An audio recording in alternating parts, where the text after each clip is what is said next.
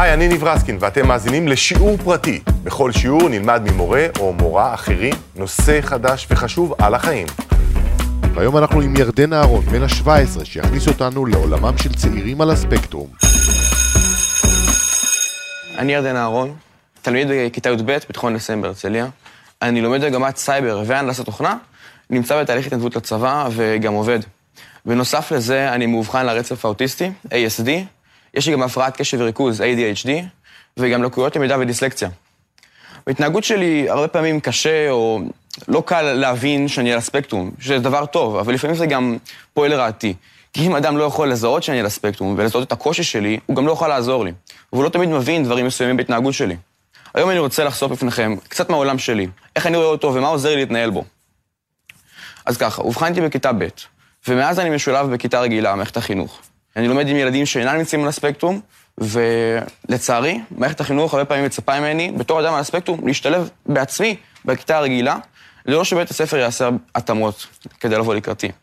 וכמו שלאדם כבד שמיעה, בית הספר מכין עבורו כיתה אקוסטית, כך גם נדרשות עבורי התאמות, בתור אדם על הספקטרום. למשל, שיאפשרו לי לשבת במקום קבוע, גם כששאר הילדים מחליפים מקומות. ביסודי חוויתי מספר קשיים חברתיים. לא ידעתי איך להתמודד איך להתמודד, איך ליצור קשר אה, חברתי תקין, ולא הבנתי הרבה סיטואציות חברתיות. ילדים סביבי ניצלו אותי, ועבדו עליי ופגעו בי הרבה פעמים. אחד המקרים שהכי זכורים לי היו בכיתה ו'. אחד מהילדים בכיתה זיהה ש... שאין לי כל כך חברים. אז הוא הציע לי להיות חבר שלו. ואיך אני התרגשתי? אמרתי לו, כן, אני אשמח. שאלתי אותו מה אני צריך לעשות. אז הוא אמר לי שחברים קונים אחד לשני מתנות. ולכן אני צריך לקנות לו מתנות, ובהמשך הוא יקנה לי. התרגשתי מאוד, ואמרתי לו, מתי מתחילים? הוא אמר, אה, אין בעיה, נתחיל היום בבוקר. הסכמתי, קניתי לו כמה מתנות בשווי של מאות שקלים. לא הבנתי שזה לא בסדר, כי לא כל כך הכרתי את ה... מה מקובל בעצם בחברה. אבל למה אני מספר לכם על הקושי הזה?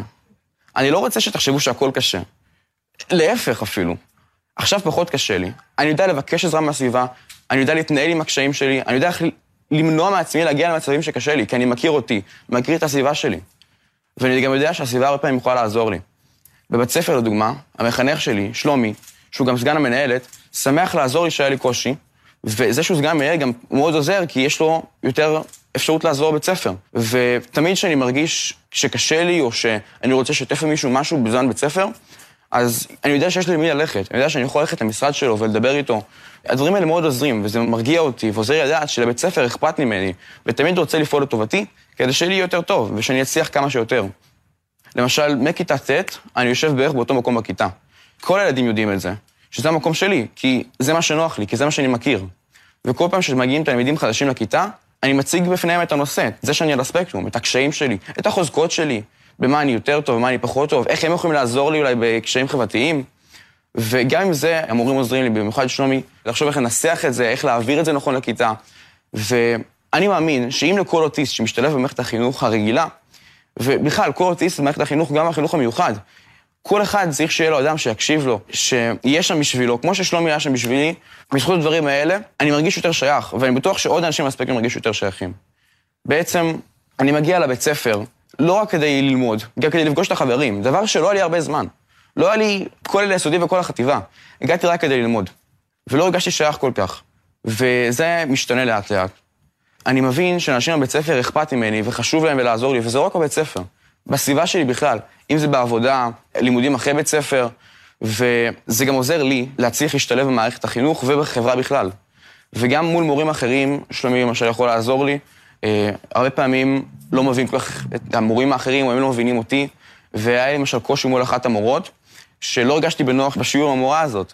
ולא הרגשתי בנוח אולי עם השאלות שעולות בשיעור, ולא רציתי כל כך לענות, והפתרון שחשבתי שיהיה הכי טוב עבורי, זה לשבת מתחת לשולחן באחד השיעורים.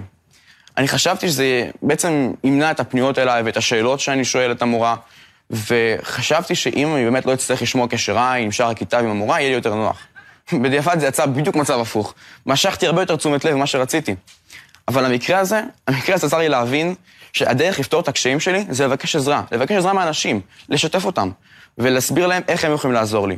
וזה גם אחת הסיבות שאני עושה את ההרצאות האלה. ומאז אני גם פונה לכל מורה חדש שמלמד אותי בתחילת שנה, ומציג את עצמי ואת הקשיים שלי, ואיך הוא יכול לעזור לי להתאים לו דברים בשיעור. וגם אני מציג את עצמי ואיך אני מתקשר עם אנשים, ואני מסביר היו מורים שנעלבו ממני לפעמים בטעות, בגלל שאני אומר בדיוק מה שמפריע לי, בצורה ישירה. לדוגמה, אחת המורות דיברה בקול בשיעור, וביקשתי ממנה לדבר חלש יותר, כי מאוד הפריע לי בעצם העוצמה של מה שהיא דיברה.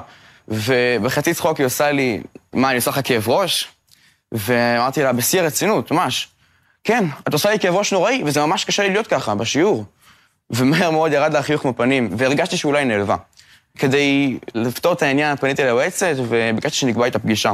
אבל בסוף היא גם זכרה את השיחה שהייתה בתחילת שנה, והיא לא נעלבה, כי היא הכירה אותי, וידעה את הקשיים שלי, ושאני באמת אומר מה שאני מרגיש.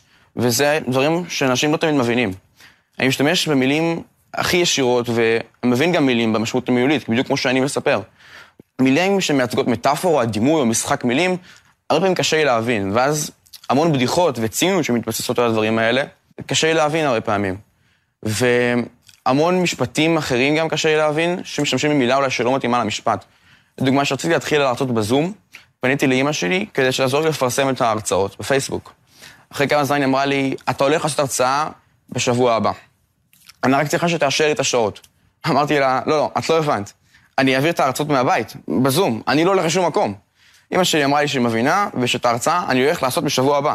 הפינג פונג הזה חזר כמה פעמים, ובסוף הבנתי מה שהפריע במשפט הזה, למי שעדיין אה, לא הבין, אז המילה הולך. כי אני הבנתי את המילה הולך כצועד, באופן פיזי. הולך ממקום למקום, וזה אחרי שהדגשתי שאני רוצה את ההרצאה לעשות מהזום. הרבה פעמים אני גם מוצא את עצמי מתקן אנשים שמדברים איתי, ואת המילים שאולי לפעמים לא מתאימות לי. חשוב לי להגיד שזה לא בא במקום של אולי להתנשא או לעצבן, זה בא במקום להראות לי, לעצמי, שאני מבין את המשפט. כי אם אני בעצם, יש לי את היכולת להחליף מילה במילה זהת משמעות, אז זה מראה כאילו אני מבין את המשפט, מראה לי, כדי שאני אדע שהבנתי את זה. ועוד עוד דבר שמאוד קשה לי במילים זה ביטויים, לא רק אה, ציניות או בדיחות. אה, היה לפני כמה שנים שהחזקתי דלת בבית מרקחת למישהי שתיכנס, ומישהי בתור בעצם אמרה, וואו, אין דברים כאלה, אין דברים כאלה. אני הלכתי הצידה והתחלתי לבכות, כי לא הבנתי את משמעות המשפט. הבנתי את המשפט, אין דברים כאלה, כי אסור שיהיה דברים כאלה. כי למה אין? כי אסור. אימא שלי ראתה את זה והסבירה לי בעצם את המשמעות של הביטוי, וראתה שהגבתי לא נכון כל כך לסיטואציה. ובסוף אה, זה, זה מה שיותר להתמודד עם הקשיים, שאנשים פונים אליי ואומרים לי ומלמדים אותי איך להתמודד עם סיטואציות חברתיות. והדבר שהכי עזר לי, עם כל הנושא הזה של לקרוא שפת גוף ולהבין סיטואציות חברתיות, זה תיאטרון. למדתי תיאטרון במשך שלוש שנים, אפילו השתתפתי בסדרות ופרסומות. תיאטרון זה עזר לי מאוד בשביל להיות שחקן ולהעביר דמות ואת הרגשות של הדמות, אני צריך לדעת איך להיות עצוב, איך להיות כועס, איך uh, להיות uh, שמח, בצורה מלאכותית גם. אז אם אני יודע איך ממש להעביר עצב או שמחה, אני גם יכול לקרוא את זה אצל אחרים. אם אני רואה פרטנר שלי באחת הסצנות עושה את זה, אז אני יכול אחרי זה לקחת את זה ולראות את הבית ספר ולהגיד, אוקיי, את זה ראיתי אתמול בשיעור תיאטרון. הבן אדם הזה עצוב. אני אדע איך לפנות אליו, אני אדע לשאול לשלומו, איך אני יכול לעזור לו. אלו דברים שצריכים לחוות, כל הלמידה של הבעות פנים והסיטואציות החברתיות, ואי אפשר ללמוד אותם ככה מנייר. גם את זה הבנתי בעצמי, שיותר קל לי להביע את הרגשות שלי אם אני בעצם יודע איך, איך הם נראים אצל אחרים. אני רוצה גם להתייחס למשהו מאוד מפריע לי, ככה לסיום. הרבה פעמים אני שומע אנשים שמשתמשים במשפט אוטיסט זה לא קללה. כמו הסיסמה כזה, ולא באמת מבינים מה עומד מאחורי זה. למה זה לא קללה? אז אני רוצה לשתף אתכם קצת מה אני מרגיש כשאני שומע שמישהו משתמש במשפט הזה. או במילה אוטיסט אה, כדרך היתר פעולה או כעלבון. אשתף אתכם שביסודי היו משתמשים במילה אוטיסט כלפיי כעלבון. היו אומרים לי, אני אוטיסט, קונוטציה מאוד שלילית. אני לא, לא אוסיף קצת עוד מילים שהתלוו למילה אוטיסט. ואחרי זה שהבנתי שאני אוטיסט, אחרי שאובחנתי, הייתי בטוח שזה דבר רע, כי זה הגיע תמיד בסיטואציות שליליות. וזה לא המצב.